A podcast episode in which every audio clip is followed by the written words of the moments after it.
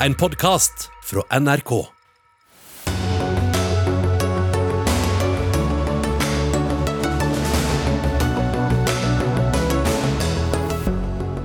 EU vil kvitte seg med russisk olje før nyttår. Svært drastisk for både EU og Russland, mener forskere. Russland skulle konsentrere seg om regionen øst i Ukraina, men bomber nå også i vest. Dette blir Russlands nye Afghanistan, mener militærekspert. Folkesporten fotball er i ferd med å bli for dyr for barn med foreldre som har dårlig råd. Nå roper trener og tidligere Englandsproff varsko. Senterpartiet har halvert sin oppslutning siden valget og nærmer seg sperregrensen ifølge meningsmåling. Dramatisk, mener valgforsker. Og 196 norske klimaforskere tror ikke verden når klimamålet. Vi gjør for lite for sent, mener en av dem, og møter regjeringen i Dagsnytt 18. Ja, Det er noen av sakene i Dagsnytt 18 denne onsdagen, der vi også skal innom forslaget om å gi ungdom gratis inngang til kulturarrangementer. Men vi starter med EU og kommisjonens forslag om å stanse oljestrømmen fra Russland til medlemslandene. Hvordan skal det skje, Simen Ekern? Du følger dette som vår korrespondent i Brussel. Ja, Når det som da blir den eh, strengeste og mest dramatiske av disse sanksjonspakkene så langt, så skal man altså skru av kranene for råolje første eh, innen seks måneder, og for eh, raffinert olje, altså inkludert drivstoff og, og slikt, innen ett år. Og Målet er da at alle medlemslandene skal forplikte seg til dette. Og så er det noen dilemmaer når det kommer til land som Ungarn og Slovakia, som sier at det er helt umulig for oss. Eh, der ligger det da inne en mulighet for at de kan få forlenget en frist, men detaljene i eh, akkurat eh, det, og egentlig også i resten av denne sanksjonspakken, blir nå diskutert av EU-diplomater. og Så kommer vi til å få et endelig forslag i løpet av ganske kort tid, noen dager kanskje. Ja, du nevnte Slovakia og, og Ungarn. Er det kommet flere reaksjoner fra medlemslandene? Ja, Denne diskusjonen er ganske intens. for det er jo En del medlemsland også eh, ser vi eh, meldinger om som mener at det å gi en så lang frist som dette utkastet eh, gir Slovakia og Ungarn en så lang frist til å eh, finne andre måter å, få energi på. Det eh, er for mye. og Det er også en del medlemsland som mener at seks måneder også er å gå for sakte. At man er redd for at det vil føre til høye oljepriser, og at Russland, sånn som jo har vært problemet hele veien, at man, man ser pga. De, de svært høye prisene, så, så har Russland fått enorme inntekter som, som har gått med på å smøre krigsmaskineriet. Så her, her, går diskusjonen egentlig i veldig mange forskjellige retninger, og det gjør at disse debattene som diplomatene nå eh, utfører, blir, eh, blir vriene. Ja, vi skal ta vår egen retning her. Tina M. Saltvedt, du er sjefanalytiker i Nordea Markets. Altså Kommisjonens president advarte medlemslandene om at dette ville ikke bli lett. Hva sier du etter å ha hørt forslaget som foreligger? Nei, det blir ikke lett, og spesielt eh, to land som Ekern Ekkern var inne på her, de vil jo ha store utfordringer. Det er jo fordi at de importerer mye av oljen gjennom rørledninger. Og så er det ikke bare bare å bytte ut denne oljen med en annen type olje, fordi at de raffineriene som, som disse landene har, eh, Ungarn og Slovakia, de kan ikke lett ta en helt hvilken som helst annen olje. Så derfor så er de skeptiske. Det samme har også Tsjekkia sagt, at for de er det heller ikke enkelt å kunne bytte ut denne oljen på, på den tiden som de har fått. Så de ønsker en to-tre år på å få lov til å finne andre veier å få olje på. Men eh, Tyskland har jo eh, da også vært ganske skeptisk til denne type forslag, men er også da tydeligvis snudd? Tyskland har klart å redusere eh, sin import fra Russland ganske kraftig. Fra rundt, eh, altså samlet forbruk på rundt 32% til en 15-16 i løpet av den perioden som har vært allerede. Eh, og ser nå på, og faktisk antydet også, at de kan klare å ha byttet ut mesteparten av den russiske oljen allerede innen sommeren. Så de har jo vært en av de store nasjonene som har sagt at dette er vanskelig, men nå de senere uken har sett til å ha snudd. Og så vet vi at det er jo noen nasjoner som kan produsere noe mer. Blant annet så ser vi at USA har eksportert noe av mer av sin olje til Europa enn det de tidligere har gjort. Ja, Hvor kan da erstatningsoljen komme fra, i, eh, så, det, så det monner? Jeg ser her at presidenten understreket at utfasingen skal skje på en måte som gjør at unionen klarer seg. Ja, Det blir jo ikke enkelt, fordi at eh, som jeg var inne på, USA og deres skiferoljeproduksjon de kan øke sin produksjon noe på, på lengre sikt. Eh, du har en del andre land som faktisk har litt ekstra å gå på. Det er bl.a. Saudi-Arabia og det er Emiratene. Men de samarbeider jo med Russland i dette OPEC pluss-samarbeidet som har foregått egentlig siden oljeprisene kollapsa fra eh, koronaperioden for to år siden. Og det er vanskelig å bryte bryte ut av det, og heller ikke vært så villig til å øke eh, produksjonen. Så det blir jo ikke enkelt. Det internasjonale energibyrået har jo nødlagre, og de har allerede åpnet opp og sluppet ut en god del olje der. Og man vet at det er fremdeles mye olje som er lagret i OECD-landenes oljelagre, så de kan dekke den russiske eksporten for en god periode. Men man trenger jo en mer langsiktig løsning, og den er ennå ikke helt på plass. Stina Torjussen, du er førsteamanuensis eh, ved Institutt for strategi og ledelse ved Universitetet i Agder, og du er spesielt opptatt nettopp av, av eh, sanksjoner og hvordan slike virker innad i Russland. Hvordan vil Russland merke EUs sanksjoner denne gangen? Ja, Dette er jo et, et helt nytt, eh, nytt steg. og, um, og det vil merkes godt, men det viktige her er at det vil ikke merkes på altså, det, det, vil ikke slå ut på russiske handlinger i krigen på kort sikt. Eh, krigen ruller på. Eh, den militære logikken og Putins agenda overfor Ukraina, den står fast.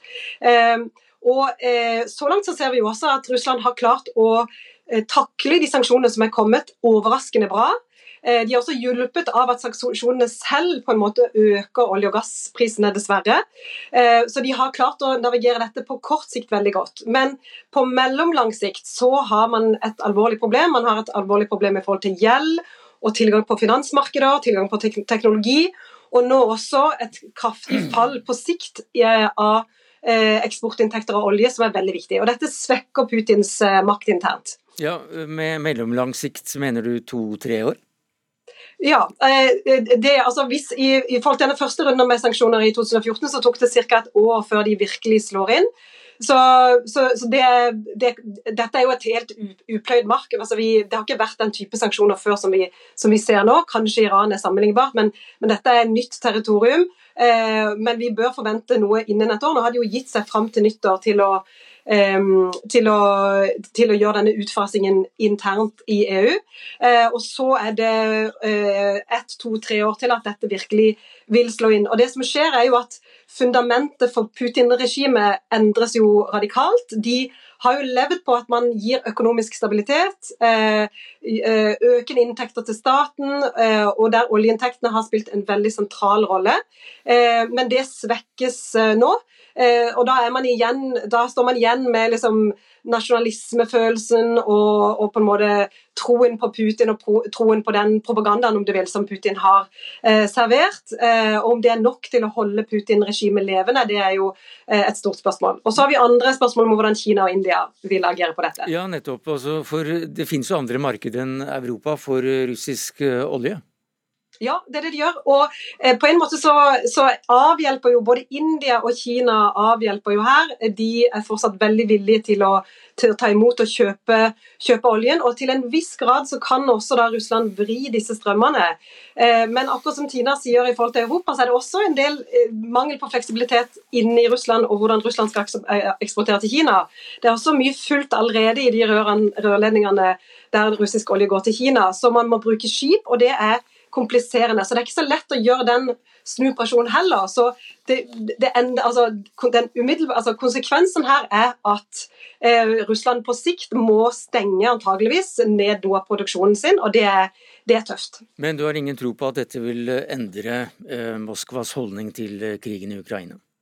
Nei, det, altså ikke når vi ser altså som krigen står nå, og krigens logikk, den, den, eh, den, den ligger fast, tror jeg nå. Og, og det, vil være, det, vil være, sentrale, avgjørende slag eh, og en utvikling nå de neste, de neste månedene. Så det får vi se. Og så, så, så, så den dynamikken står, står fast. Um, det som er spennende på sikt, er jo hvordan om, eh, om, man på en eller annen måte får en fryst konflikt som Putin vil bli vedvarende straffet for at man har, eller at man får en grunnleggende endring i Russland. Det er det ene som er viktig når vi tenker konsekvenser av disse sanksjonene. Det andre som er viktig, er jo mer på det globale nivået og den globale økonomien. Ja, for der kan eh, hele handelsstrukturen for så vidt forandres, ifølge deg? Ja, altså her må vi være veldig forsiktige med, med å bruke for store ord. men det vi ser er jo at eh, Vi har hatt en tendens til det som heter dekobling eh, allerede i et par år, som er knytta til USAs forhold til Kina.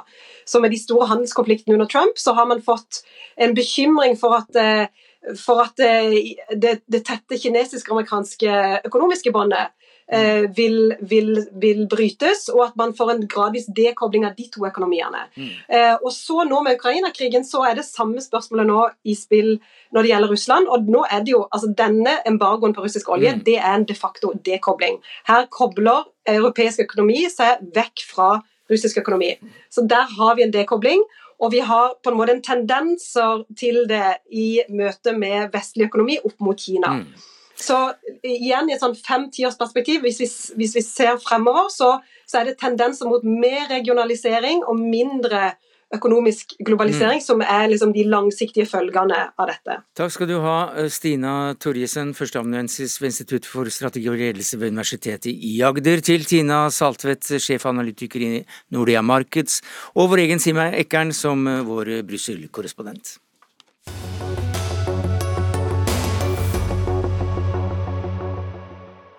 Ja, Senterpartiet gjør det ganske dårlig på meningsmålingene om dagen. Eh, den verste målingen på fem år eh, kom på, Norge, på NRKs eh, måling nå i morges, med 6,6% altså en halvering siden valget.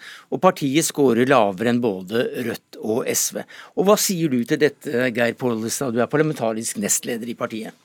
Jeg sier at det er jo ikke en måling vi er fornøyd med. Vi ønsker oss jo selvsagt eh, bedre målinger. Samtidig så har vi et politisk eh, prosjekt eh, om å sikre utvikling i hele landet og utjevne forskjeller mellom mm. folk. Og, så vi jobber jo uh, ufortrødent videre, og, og, det er god stemning i partiet og en vilje til å gjennomføre politikk. Så vi tror jo at dette skal snu. Ja, Men hvis vi hopper over, over alt dette her med at det er, det er, en sammensatt problemstilling, og det er komplekst dette her, hva er det enkle svaret på hvorfor det går så innmari dårlig på meningsmålingene? Jeg har ikke eh, den rette eller helt presise analysen. Det sitter to andre her som kommer ja, til å si det, ja, så du kan godt si det før Men så er det jo sånn at eh, vi, vi ser jo målingene spriker veldig. Ja. Eh, vi hadde en måling i forrige uke som var på 9,4, mm. men vi er jo ikke fornøyd med det heller. Så jeg tror at det er en situasjon der mange opplever en, en uro mm. over situasjonen. Enten det er pga. Ukraina-krigen, det er økte energipriser. Eh, og så er jo vårt mål og vårt svar vil jo da bli å eh, lede oss trygt gjennom dette økonomisk, sånn at folk opplever økt kjøpekraft. og det, det er jo det vi jobber med. Og heldigvis er det sånn at du får verken mandat eller tillit gjennom meningsmålinger. Det får du gjennom eh, valg. Johannes Berg, du er forskningsleder ved Institutt for samfunnsforskning. Hva sier du til tallenes tale 6,6% ja, Det er en voldsom tilbakegang. En dramatisk tilbakegang siden valget. Det er jo veldig sjelden man ser at et regjeringsparti går så mye tilbake på så kort tid som det Senterpartiet har gjort nå. Man opplever jo ofte at regjeringspartier får slitasje over en viss periode og frem til neste stortingsvalg. Men det er litt tidlig. Det er litt tidlig, og dette er dramatisk og uvanlig, rett og slett.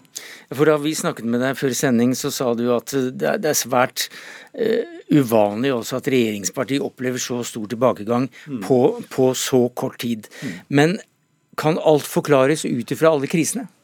Jeg tror Krisen er en viktig, en viktig, forklaring. Eh, det har jo vært, Mye har skjedd, og strømkrise og, og Eh, og pandemien har, har satt sine eh, spor. Men, men, det er klart at Senterpartiet hadde en, lå veldig høyt på målingene før valget, og, og hadde en, eh, en, rolle nesten som det viktigste opposisjonspartiet til, til forrige regjering, som, som, ga de, som, ga velgerne store forhåpninger om hva de skulle få til i regjering, og, kanskje for høye forhåpninger, sånn at noen velgere har blitt skuffet og gått tilbake tilbake til de partiene de stemte på tidligere. Det er det slik, Magnus Takvam, politisk kommentator i NRK, at høye forventninger er skuffelsens mor også for Senterpartiet?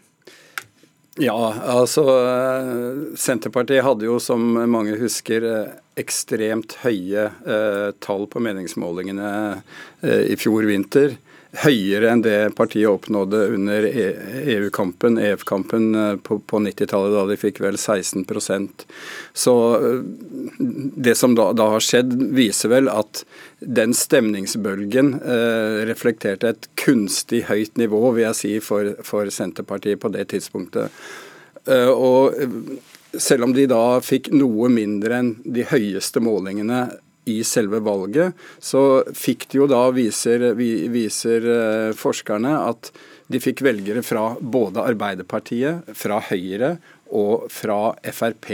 Og det er klart at Dette tilsier at det var veldig mange også protestvelgere som, som eh, da er troløse når når man går fra å være skal vi si, protestgeneral til å bli finansminister eh, i, i, regjering. Så det er en del av den åpenbare effekten. Ja, Var det et kunstig høyt nivå som uh, gjør at man uh, helt naturlig måtte få en reaksjon? Ja, det kommer an på. For Senterpartiet sin del var det kanskje helt naturlig å ligge så høyt, men, men, det er klart det var mange velgere som gikk fra andre partier eh, til Senterpartiet, særlig fra Arbeiderpartiet. Og Arbeiderpartiet eh, slet på målingene og mistet velgere dit. Så, så da er det klart det, dette er velgere som er i i bevegelse, og, og, som sånn sett har lettere for å, for å gå til, eh, tilbake. Men, men, det er klart vi skal huske det er også andre eksempler på partier som har klart seg bra eh, i regjering hvis de, hvis de, klarer å holde på, på den samme rollen som de hadde eh, forut for valget, altså i, i, i regjeringsposisjon. Så, så, det er ikke en naturlov heller at, at, partiet går tilbake når det kommer i regjering. Nei, for dere forskere er ganske opptatt av det som kalles for grunnfjellet. Eh, hvor, er det, hvor dypt må man grave for å finne det i Senterpartiet nå? Eh, jeg tror vi begynner å nærme oss eh, for Senterpartiet sin del. Men det er klart, denne målingen på hva var det, 6,6 mm. er jo ikke så langt unna det som var valgresultater ved mange valg for Senterpartiet. Så, så dette, i et lengre historisk perspektiv så er jo dette ganske normalt, og kanskje nærmer man seg grunnfjeller, de som på en måte er typiske Senterparti-velgere. Ja, for ser du, ser du sperregrensen nærme seg her, Takva? Altså nå spørs det litt hva som skjer framover. Det, det kommer statens tilbud i jordbruksoppgjøret kommer i morgen. og jeg går ut fra at Senterpartiet har, eh, har greid å få eh, et såpass eh, bra tilbud i regjering at det er i hvert fall håpet deres at det kanskje kan, kan bidra til at det stabiliserer seg, i det, i det minste. Men en annen side av den analysen av, av hvorfor eh, de sliter, etter min mening, er at veldig mye av retorikken til både Senterpartiet og for så vidt Arbeiderpartiet i forkant av valget og etterpå har vært innenfor det man kaller fordelingspolitikk, altså vanlige folks tur. Det er liksom de nederst i samfunnet som nå skulle få, få, uh, få sin regjering. Og det er klart at Når Senterpartiet da i forhandlingene insisterte på ikke å ha med SV i, i regjering, og, og eh, i hvert fall opp tror jeg da deler av venstresiden eller venstreorienterte velgere eh, føler seg frem, litt fremmedgjort overfor dette regjeringsprosjektet og, og for så vidt eh, Senterpartiet. Og det paradokset at man er så knallhard på, på, på, vanlige folks tur, men samtidig møter da en ganske kraftig kritikk på fordelingspolitikk fra venstresiden i, i Stortinget, det er også en utfordring, tror jeg, for for Senterpartiet. Så akkurat nå så er SV forholdsvis glad for at ikke de sitter i. Og Rødt, selvfølgelig. Ja. Men de var jo ikke så sterkt invitert, Nei. etter det vi, vi, husker. Men det er altså en eh, dag eh, i Morgenberg. Eh, da kan det skje ting som kan muligens forandre litt på dette her? Ja, det, det, er klart Landbruksoppgjøret er veldig viktig for eh, Senterpartiet og Senterpartiets velgere, og ikke minst det grunnfjellet som vi har snakket om. Så, så for, eh, for, Senterpartiets velgere så er det store eh, forventninger. og, og de forventningene kan jo da bli skuffet, eller så kan man komme de i møte. Så det, det, er en viktig beslutning for Senterpartiet, og kan også si noe om, om veien videre da, på målingene. Ja, for Pollestad, som eh, parlamentarisk nestleder, så vet vel du omtrent hva partiet ditt kommer til å tilby eh, i morgen i lønnsoppgjøret? Landbruksoppgjøret? Ja, det jeg iallfall vet, er at jordbruksoppgjøret og statens tilbud skal presenteres klokka tolv i morgen. Jo, jo, men du, du, du, vet, du, eh, vet, vel litt om tallene også? Jo, Det er ganske eh, irrelevant, fordi at de skal ikke jeg si nå. De kommer i, eh, i morgen. Og vi, vi kjenner på en veldig forventning til eh, jordbruksoppgjøret. fordi at vi har jo gått til valg på at vi skal ta hele landet i bruk, og da er jo jordbrukspolitikken en veldig del, viktig del. Og et annet viktig element i vår valgkamp var jo beredskap. Og nå er det jo sånn at med den matvarekrisen vi er inne i, så handler jo jordbruksoppgjøret om mye mer enn bare de som produserer maten. Det handler jo om de som skal bli mette av eh, denne eh, maten. Så jeg tror jo eh, at eh, jordbruksoppgjøret nå i år og året framover, så vil det også bli en viktigere sak. fordi at En har alle år tatt mat som en selvfølge. Nå er det en matvarekrise. Vi ser stigende priser på mat. Eh, Og jeg mener at eh, beredskap kommer til å være en viktig sak for Senterpartiet framover. Jeg tror at mange velgere vil se at vi prioriterer det høyt. Men eh, i første omgang så dreier det altså seg om landbruksoppgjøret, Magnus Takvam. Hva må de opp i i antall milliarder? Altså, hvor, mange milliarder koster et, eh, et prosent på meningsmålingen her? Nei, altså De, de som eh, fulgte med på, på eh, landbrukets krav eh, i forrige uke, de fikk jo med seg at veldig mye av kravet dreier seg om å få dekket kostnadseksplosjonen både på, på gjødsel, energi og, videre, som er flere milliarder. Jeg tror det er bare i kravet som var på 11,5 milliarder, så tror jeg 7-8 milliarder utelukkende går ut på å nulle ut kostnadsvekst. Så, så, Så der må det i hvert fall være. ja, altså Uansett så vil, vil tilbudet hvis man ikke skal få liksom, At eh, faglagene ikke vil forhandle i det hele tatt, som er det, er det verste scenarioet for Senterpartiet, så må de ganske høyt opp. eh, og, og kanskje starte litt på det, det man kaller inntektsutjevningen i forhold til andre yrkesgrupper også. Berg, eh, hvis du ser litt i krystallkula di, som forskere forsker jo hater å, å, å, gjøre, så, så går det an å se for seg en utvikling eh, framover på, for Senterpartiet på neste meningsmåling etter morgendagens eh, tilbud. Det det går an, og hvis man ser eh, hvordan det har vært så langt, så, så er det en, en rett linje nedover eh, siden valget. Men samtidig skal vi huske at det er lenge til neste valg, og, og dette svinger. I hvert fall for Senterpartiet sin del har det svingt eh, mye det siste eh, året, og, og mye kan skje frem mot eh, neste valg. Så, så i Norge har vi jo som kjent stortingsvalg hvert fjerde år, og det gir jo regjeringene eh, en mulighet til å eh, få gjennomført politikk og, og endre opinionen i løpet av den perioden. Det er tre og et halvt år til eh, neste stortingsvalg. Det er kanskje like greit for dere, Geir Pollestad. Takk for, du, for at du kom til Dagsnytt 18, parlamentarisk nestleder i Senterpartiet. Takk til Johannes Berg, forsker og institutt, eh, instituttleder ved Samfunnsforskning, og Magnus Takvam, politisk kommentator i NRK.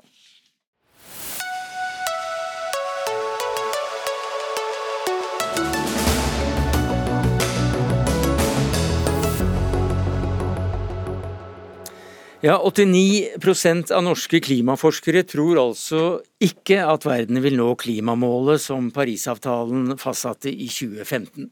I NRKs undersøkelse sier 196 forskere at det er ganske eller svært usannsynlig at 1,5-gradersmålet vil bli nådd. Og en av dem er deg, Bjørn Samset, du er seniorforsker ved CICERO, Senter for klimaforskning. Hvorfor er du og dere så pessimistiske? Er det viktig å se litt på hva som egentlig ble spurt om.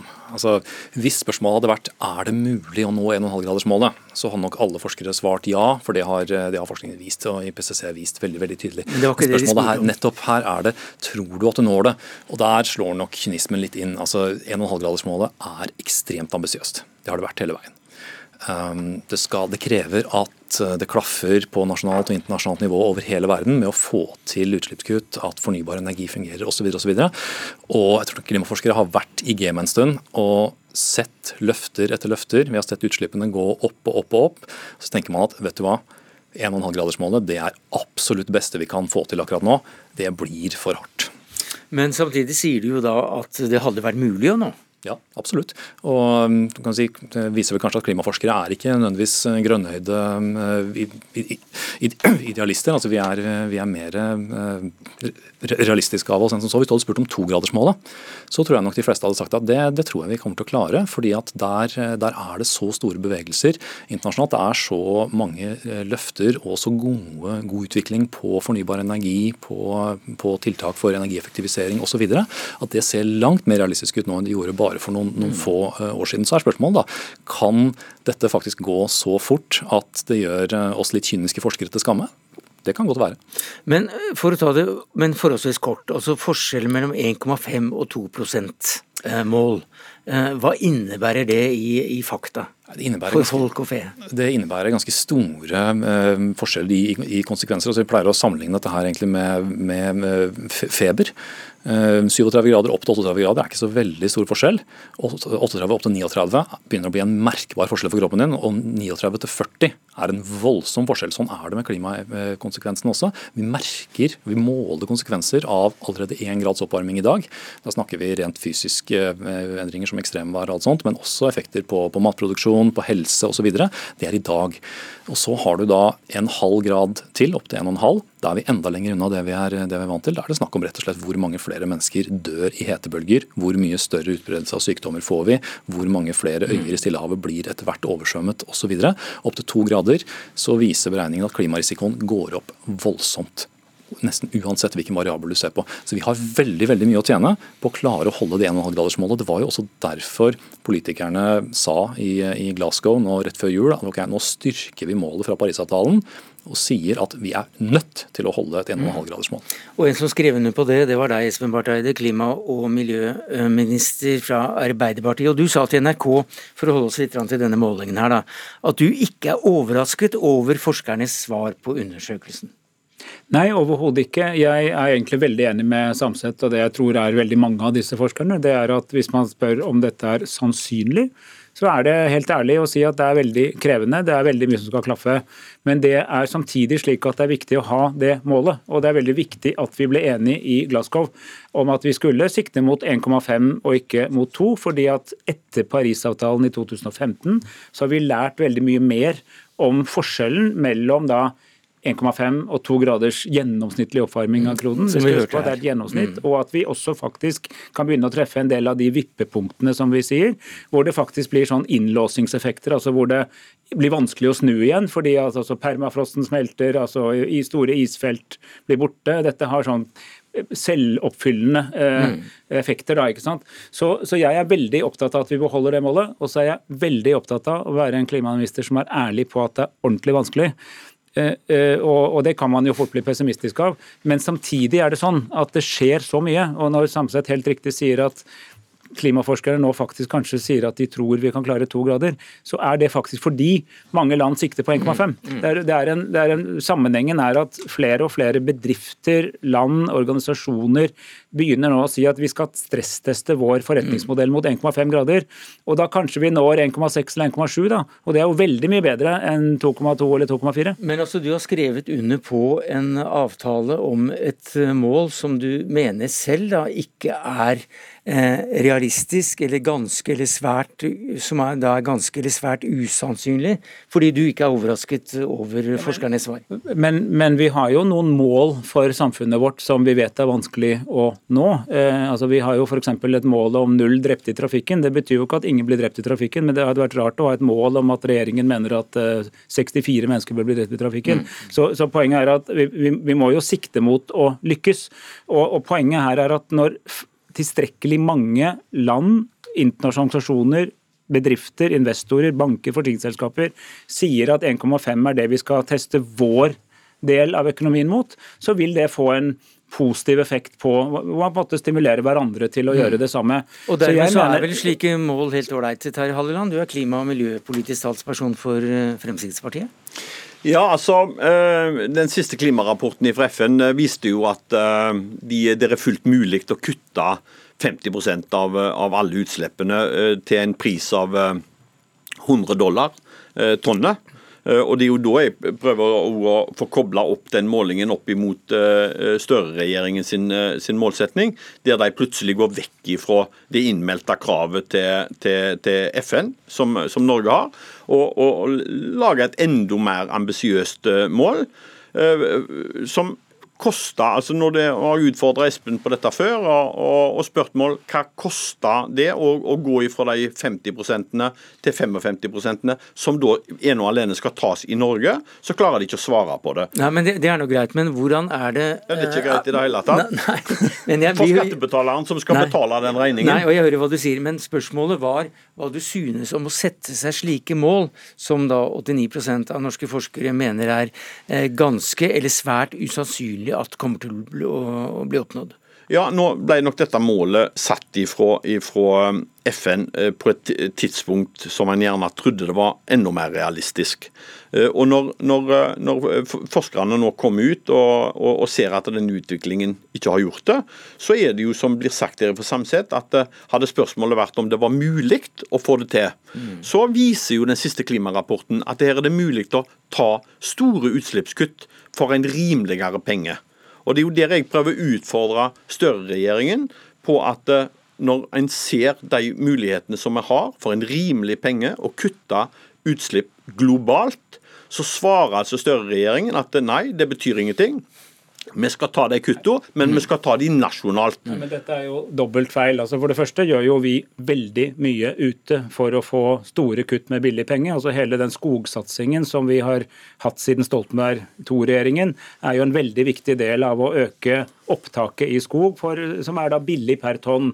Veldig mye av vår bistand går til å hjelpe utviklingsland med å ta store kutt for relativt små penger. Men så har vi også forpliktelser som andre rike, industrialiserte vestlige europeiske land om å kutte 55% i vår økonomi. Det er altså akkurat det samme kravet som alle land som ligner på oss har satt seg. Det er verken mer eller mindre ambisiøst enn det som er typisk for land som oss.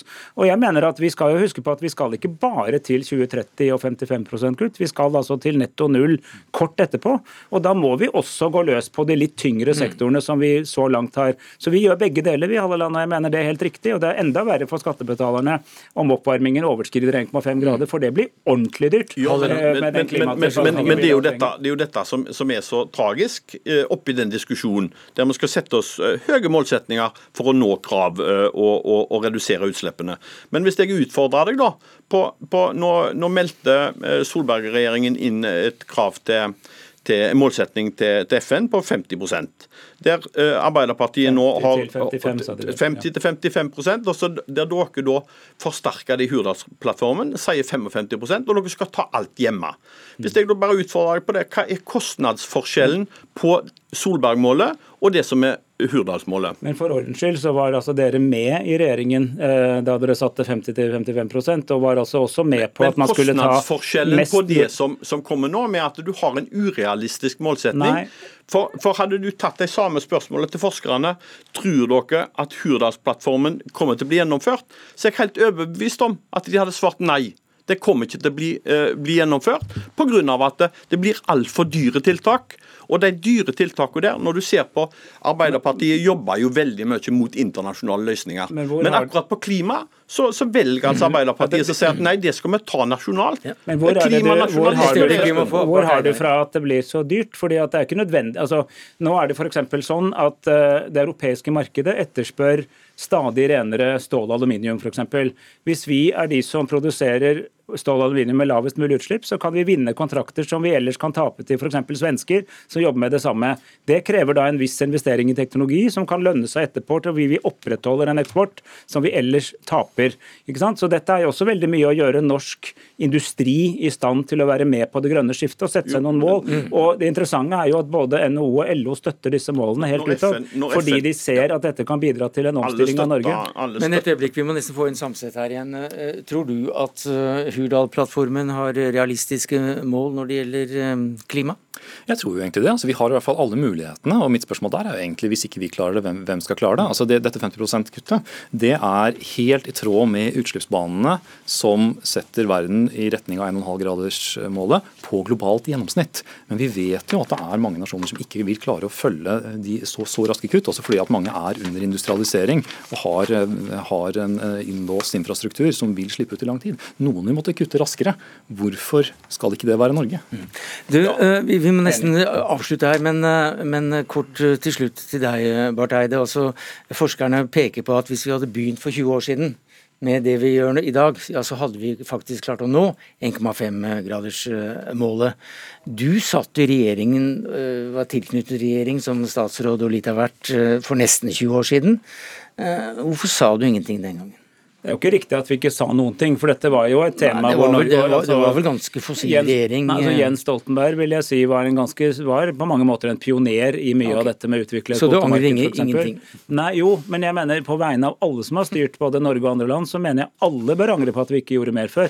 Det mener jeg absolutt, og det er helt riktig. Altså, dette har gått mye mykere og enklere og, og, og forsiktigere for seg, med gode resultater, hvis vi hadde begynt før. Men det er jo ikke noe argument for å somle nå. Da må vi jo lære av det og i hvert fall få mm. farten nå. Den gode nyheten, for å begynne med noe, ende med noe positivt, er at alle land som ligner på oss, setter seg de samme målene. Det betyr at den økonomien vi skal eksportere til i framtida, gjør det samme. Mm, da tror jeg vi inviterer til en, en, en ny debatt, for eh, jeg sier at Terje Halleland, han som stortingsrepresentant for Frp, han sier at dette er helt feil. Og Espen Barth Eide kan jeg også si nå at er uenig da med Halleland, men vi må sette strek. Takk skal du ha. Halleland, Espen Barth Eide og Bjørn Samset.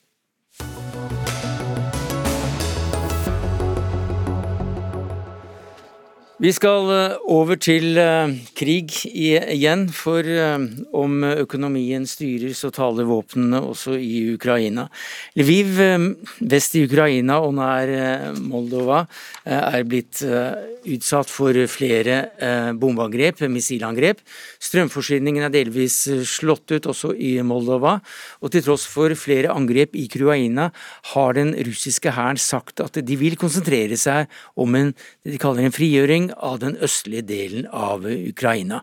Og Tormod Heier, oberstløytnant og professor ved Forsvarets høgskole, hvorfor bomber russerne vest når fokuset er Donbas-regionen i øst? Ja, Det er et godt spørsmål, og jeg tror det er rett og slett fordi eh, det er noe som bekymrer russerne veldig mye i Donbas, og det er at det kommer så mye våpen inn fra vest. Og skal de våpnene bli stanset, så eh, har jo russerne raslet litt med atomvåpnene, men de tør jo ikke å angripe Nato-land. Og da er det én ting som gjenstår, og det er å angrepe den eh, jernbanestrekningen som frakter disse våpnene fra vest og innover mot eh, Donbas. Så det vi ser er at De i økende grad tar ut eh, jernbanestasjoner, men også elektrisitetsforsyninger og, og vannforsyninger. altså Mye av den samfunnskritiske infrastrukturen som holder eh, våpenforsendelser og for så vidt også befolkningen i gang lenger vest i landet. Ja, Hvordan er da situasjonen øst i landet, som de da mener at uh, nå er målet uh, for uh, den militære operasjonen? Nei, slik jeg sier det, så virker det som at frontlinjen har begynt å fryse litt. At det er mye mindre bevegelse nå enn det det var før. Og Det er jo litt overraskende på en måte, i og med at terrenget eh, øst til Donbas er ganske sånn flatt, og det begynner å bli tørrere og varmere, som skulle favorisere de store russiske mekaniserte avdelingene. Men de klarer ikke å trenge gjennom ukrainske forsvarslinjer, som jo siden Krim-anneksjonen i 2014 og krigen i Øst-Ukraina egentlig har brukt disse åtte årene veldig godt på å forskanse seg og ha god situasjonsforståelse om hvordan russerne opererer på den andre siden av linja, og klarer da å, å holde stand, ikke minst da med all denne vestlige våpenhjelpen som kommer eh, fra vest. Ja, for Russland har jo også erfaring med å sitte fast i en langvarig konflikt, og da lenger østover. Eh, definitivt. Eh, tenker du på Afghanistan-krigen, kanskje? Ja, Er dette her en parallell? Ja, vi kan kanskje si det er en slags europeisk Afghanistan. Nå er det jo mange forskjeller også, fordi, men en av likhetene vil jeg si, det er jo at det, både i Afghanistan i 79-89, da når Sovjetunionen var der, og denne gangen nå i Ukraina i 2024, så fikk ikke russerne en rask og kjapp seier. Istedenfor så blir det gradvis, og det ser vi faktisk at mange andre stormakter også har opplevd, både USA i Vietnamkrigen og i Afghanistan og Irak, at man gradvis, fordi man ikke får en rask seier, trekkes inn i en vedvarende hengemyr. Men den hengemyra her er jo da mellom Europas to største land, som hver besitter Europas to største konvensjonelle forsvarssystemer. Mm. Kete Hansen Bunte, du er generalsekretær i Den norske atlanterhavskomiteen. Vesten sender stadig tyngre våpen til eh, Ukraina, bl.a. nå da tanks og taktiske missiler. Eh, nå ser vi at Russland har endret litt taktikk ved å gå inn og bombe da forsyningslinjene. Hvordan ser dette ut? Jo, det er klart de må gjøre det, for de prøver å stanse eh, ukrainernes eh, motoffensiv. Eh, de vil ikke klare å ta ut alt, eh, så det er på mange måter Ukraina som har tiden på sin side. Og som gamle general Clausewitz sa, så er moral det avgjørende faktor i enhver krigføring. Jeg tror at det er ikke bare våpnene som avgjør dette, det er lettere å kjempe for din egen stats eksistens enn å sende unge menn inn i en krig som virker relativt ufornuftig. Eh, vi hører her at en parallell til Afghanistan er, er satt opp som et bakteppe. Er du enig i den eh, analysen? På mange måter, fordi du kjemper for ditt eget land, for din egen kultur, for gjennomslag for din egen eh, livsførsel. Eh, det er noe annet enn å bli sendt som fremmede soldater inn i et land man trodde man skulle beseire på tre dager. Nå har det gått 70 dager. De har blitt tvunget, disse unge russiske soldatene, til å gjennomføre menneskerettighetsbrudd, gå løs på sivile. Vi ser folk komme krypende ut av Mariupol og vi har sett Butsja, det er med på å demoralisere mm. unge menn. Og jeg tror at det er noe av det som også kan forklare at den sterke russiske eh, krigsmaskinen ikke klarer å vinne frem mer enn det vi ser på slagmarken nå. Og Samtidig nærmer vi oss 9. mai, som er en, eh, en dato med, med, mange streker under i russisk nyere eh, historie. Eh, slutten av andre verdenskrig, kampen mot eh, nazismen, og retorisk så blir jo det brukt for, for hva det både er verdt og ikke verdt, antagelig, eh, av, av, russiske myndigheter. Er det riktig som eh, ukrainsk etterretning peker på, at Russland kan komme til å erklære Ukraina krig på en slik dag? Det kan jo være, jeg kan ikke se bort ifra det. Eh, vanskelig å spå, men eh, sannsynligheten er der. Og det er fordi at 9. Eh, mai er jo en veldig kjærkommen mulighet for Putin til å samle folket og minnes om den store seieren i fedrelandskrigen, og i samme åndedrag få til en økt oppslutning om de store problemene som han egentlig står overfor i Ukraina, og det han trenger mest av alt, det er jo flere soldater. Og det å da kanskje be om en mobilisering i en krig som kanskje vil bli fremstilt som nesten som en eksistensiell krig for Russland, fordi den vil fremstå som så viktig. Det kan tilføre de russiske styrkene i Ukraina flere soldater, uten at jeg tror at det vil gjøre så stor forskjell på krigføringen.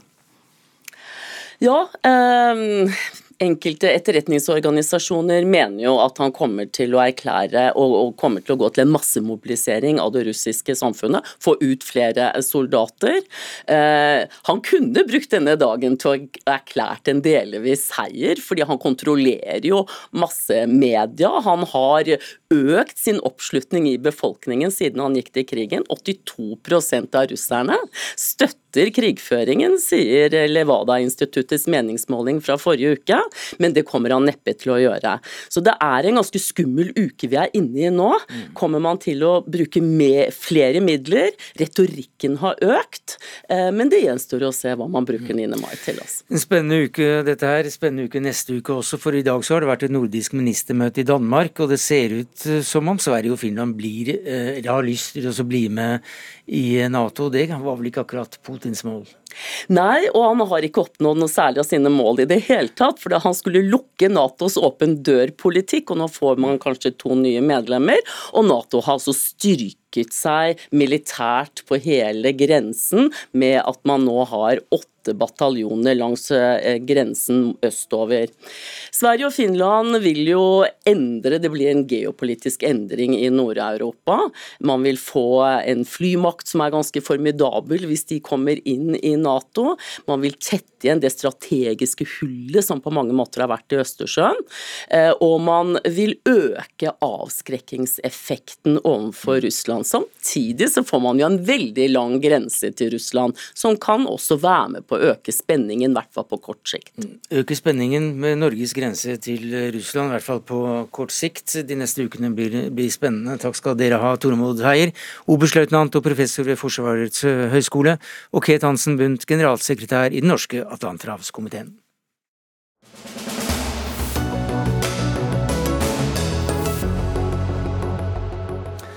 Har det blitt for dyrt å spille fotball for uh, småungene? Det spørsmålet uh, ble stilt i en ytring på nrk.no på lørdag. Fotballen er i ferd med å endre seg fra en allemannssport til en idrett for barn med ressurssterke foreldre. Ja, Det skriver uh, du, Anders Jacobsen, du er lærer og fotballtrener. Hvordan begrunner du det? Nei, Det begrunner jeg ut ifra at prisnivået på barnefotballen har gått opp. Det er en utvikling som er uheldig, for samtidig som den går opp, så er det stadig flere barn som lever i fattigdom i Norge. 115 000 av dem. Og hvis det da koster flere tusen kroner å spille fotball, så er svaret på det ganske enkelt. Mange av dem får aldri sjansen. Ja, Hva er det som har gått opp, da?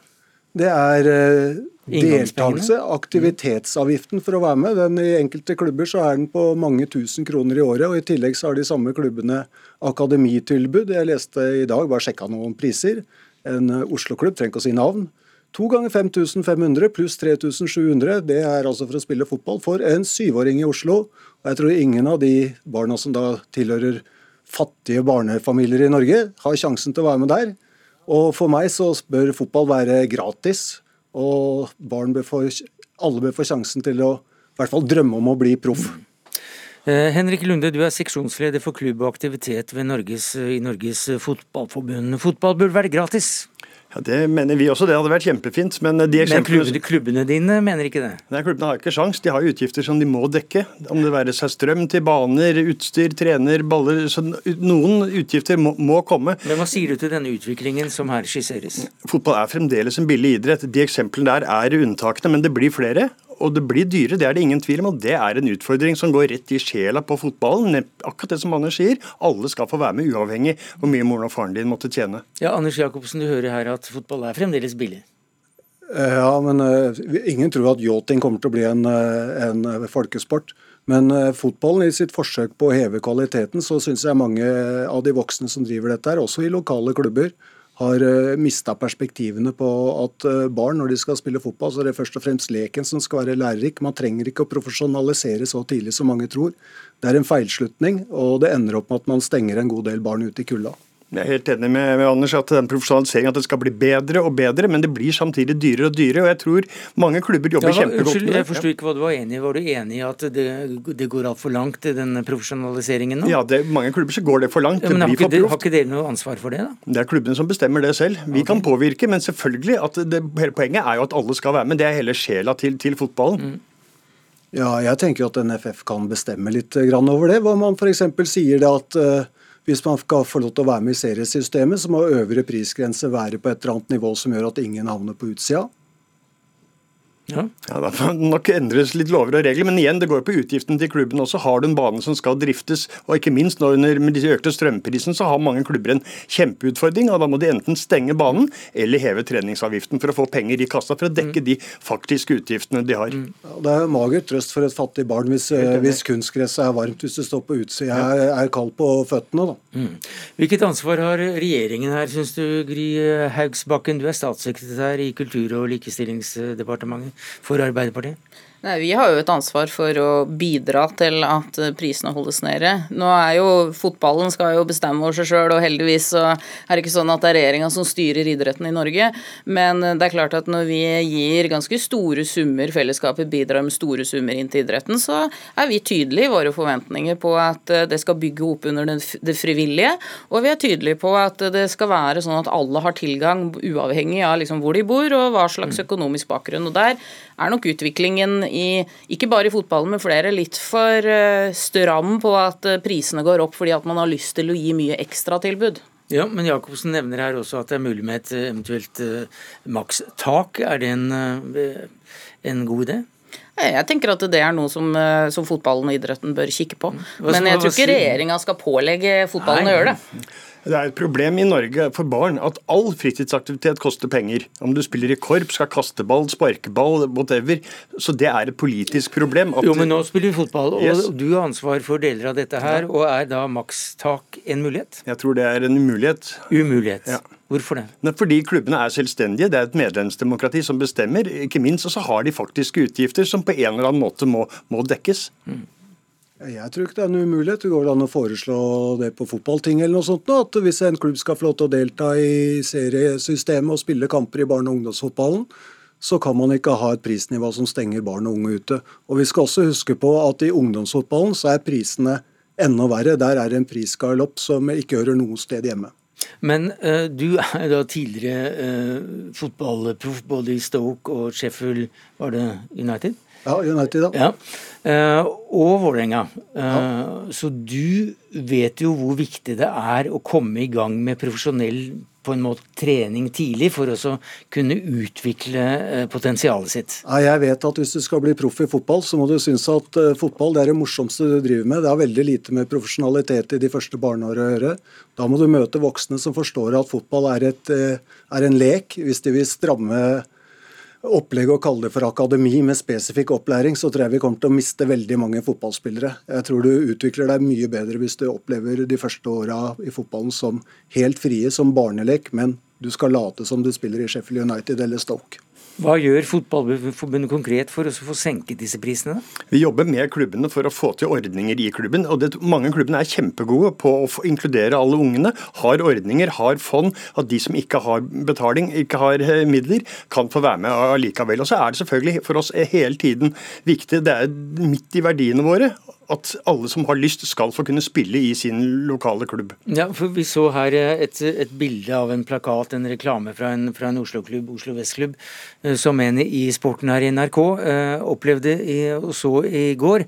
Og Da var det da invitasjon til profesjonelle Eller for, at fireåringer skulle da ledes av profesjonelle trenere. Ja, det, Jeg kjenner ikke til det tilbudet, så det Men er det, kan jeg ikke er si det, noe. er det, er Det er ok? veldig unntaksvis å ha fireåringer inn på et akademi, men som sagt, jeg kjenner ikke til innholdet i det kanskje er verdens morsomste ting for fireåringer. Det er mulig, jeg vet ikke. Koster penger, penger, kanskje? Det gjør det helt sikkert. Men, men, men hva med å sponse barn som ikke har foreldre med, med god råd? da? Det gjøres jo en del av, og der kan man absolutt kikke på ordninger for å gjøre det mer og, og bedre. Men, eh, og vi vet at det er gode klubber, de som er bevisste på dette, har ofte god samarbeid med Nav og kommunene. Eh, Men jeg tror nok at liksom, selv om man kan finne den type ordninger, så gjør ikke det at man ikke må se på hvordan du holder det totale kostnadstrykket nede. Eh, Og der, fordi Vi kan ikke liksom legge lista på de som er absolutt ivrigst, de som absolutt mest, og så skal på en måte fellesskapet dekke dekke mellomlegget. Det tror jeg ikke er heldig for fotballen heller, for blir det for seriøst for tidlig, så er det ganske mange som, eh, som faller fra. Ja, For noen eh, baner, ganske mange baner, eh, utvider jo og legger om til kunstgress, og, og svært mange varmes opp midt på en norsk vinter. og Det er klart at det, det koster, og noen må jo betale det. Ja, og stort sett så er jo det veldig bra, for det gjør jo at folk kan spille mer og over lengre tid, og flere får tilgang.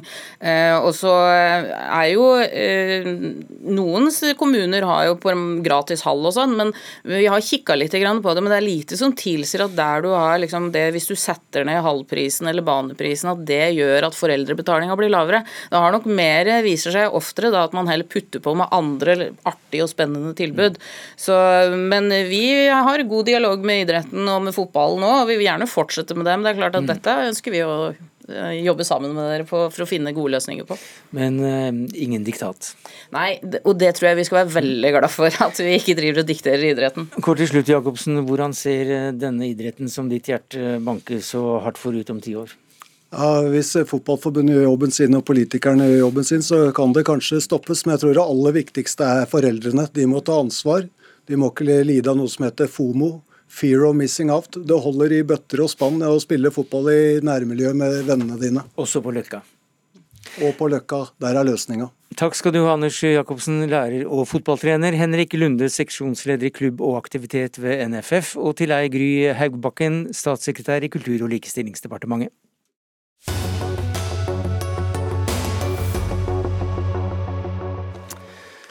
Ja, Vi skal fra sport til kultur, men også dette dreier seg om eh, penger. For eh, nylig så foreslo eh, Kulturrådet at staten skal innføre et såkalt kulturpass for ungdom.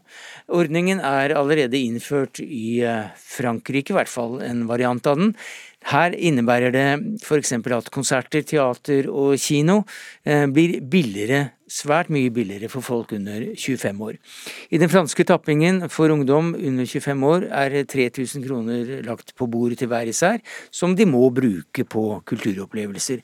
Og Gaute Børstad Skjerve, du er nestleder i AUF. Hva synes dere om dette forslaget? Ja, Vi er positive til alle forslag som får ungdom tilbake på kino, på forestilling, på fotballkamp etter korona, og mener at eh, dette kan være én av sånne løsninger. Vårt forslag til regjeringa er rabatterte priser på lik linje med kollektivtrafikken, men alt som får ungdom tilbake på tribunen og i salen, det er vi positive til. Ja, Hvordan skulle dette ordnes?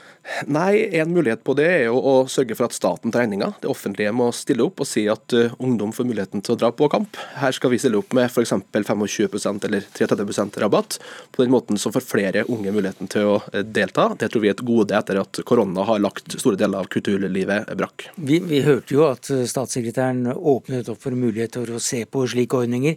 Men skulle, skulle det vært en fast 3000 kroner til hver enkelt ungdom f.eks., som de kan bruke som de vil?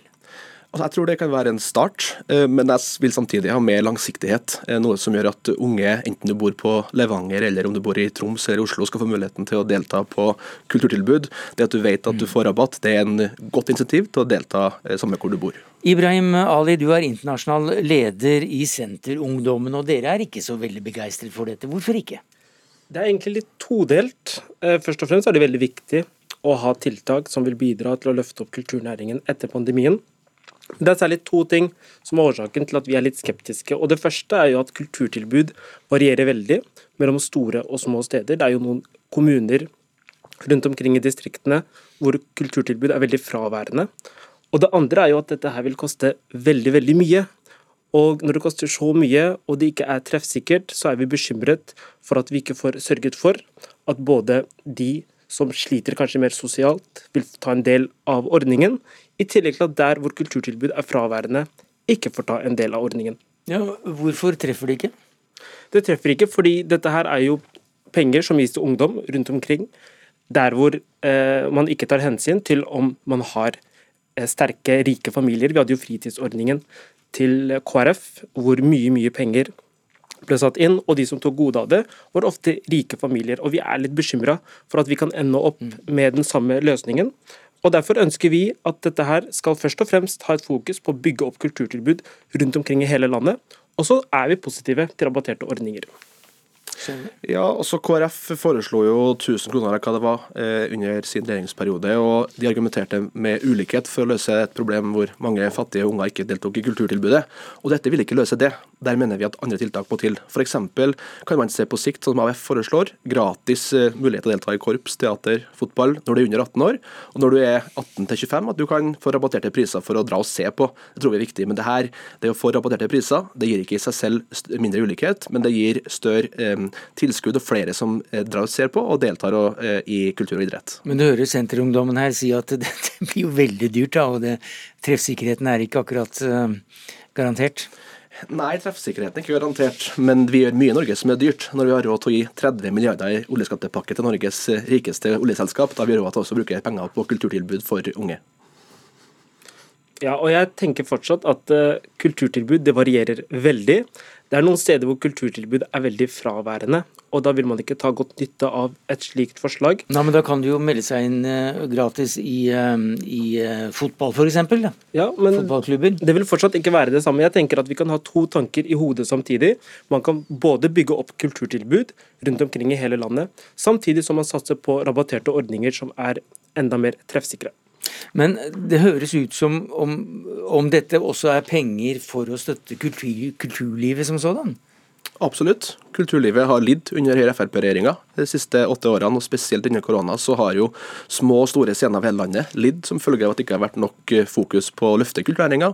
En av problemene også er at det ikke er nok som det er å se på, og der må jo unge løftes inn. Vi vet at studenter har dårlig råd. De har ikke kanskje musklene til å dra på Staysman-konsert, men får du rabatt, så er sannsynligheten mye større for at du kan dra og delta, ikke bare sitte hjemme og se på Netflix. Og jeg er helt enig. Regjeringen har en målsetning om å øke kulturens andel av statsbudsjettet til 1% så jeg er helt sikker på at det kommer penger for å styrke kulturlivet, også for unge. Det som blir viktig, og som jeg er veldig spent på hvordan kulturministeren reagerer på det, er hvordan man innordner eventuelt en slik ordning. Det var det vi rakk i eh, Dagsnytt 18 eh, denne onsdagen. Takk skal dere ha, Gaute Børstad Skjerve, nestleder i AUF, og til deg, Ibrahim Ali, internasjonal leder i Senterungdommen. I morgen så blir eh, sendinga litt annerledes. Da kommer det nemlig fra Bergen og mediedagene der. I dag var ansvarlig for det hele Odd Nystøen. Teknisk ansvaret hadde Lisbeth Sellreite. Jeg heter Sverre Tom Rader.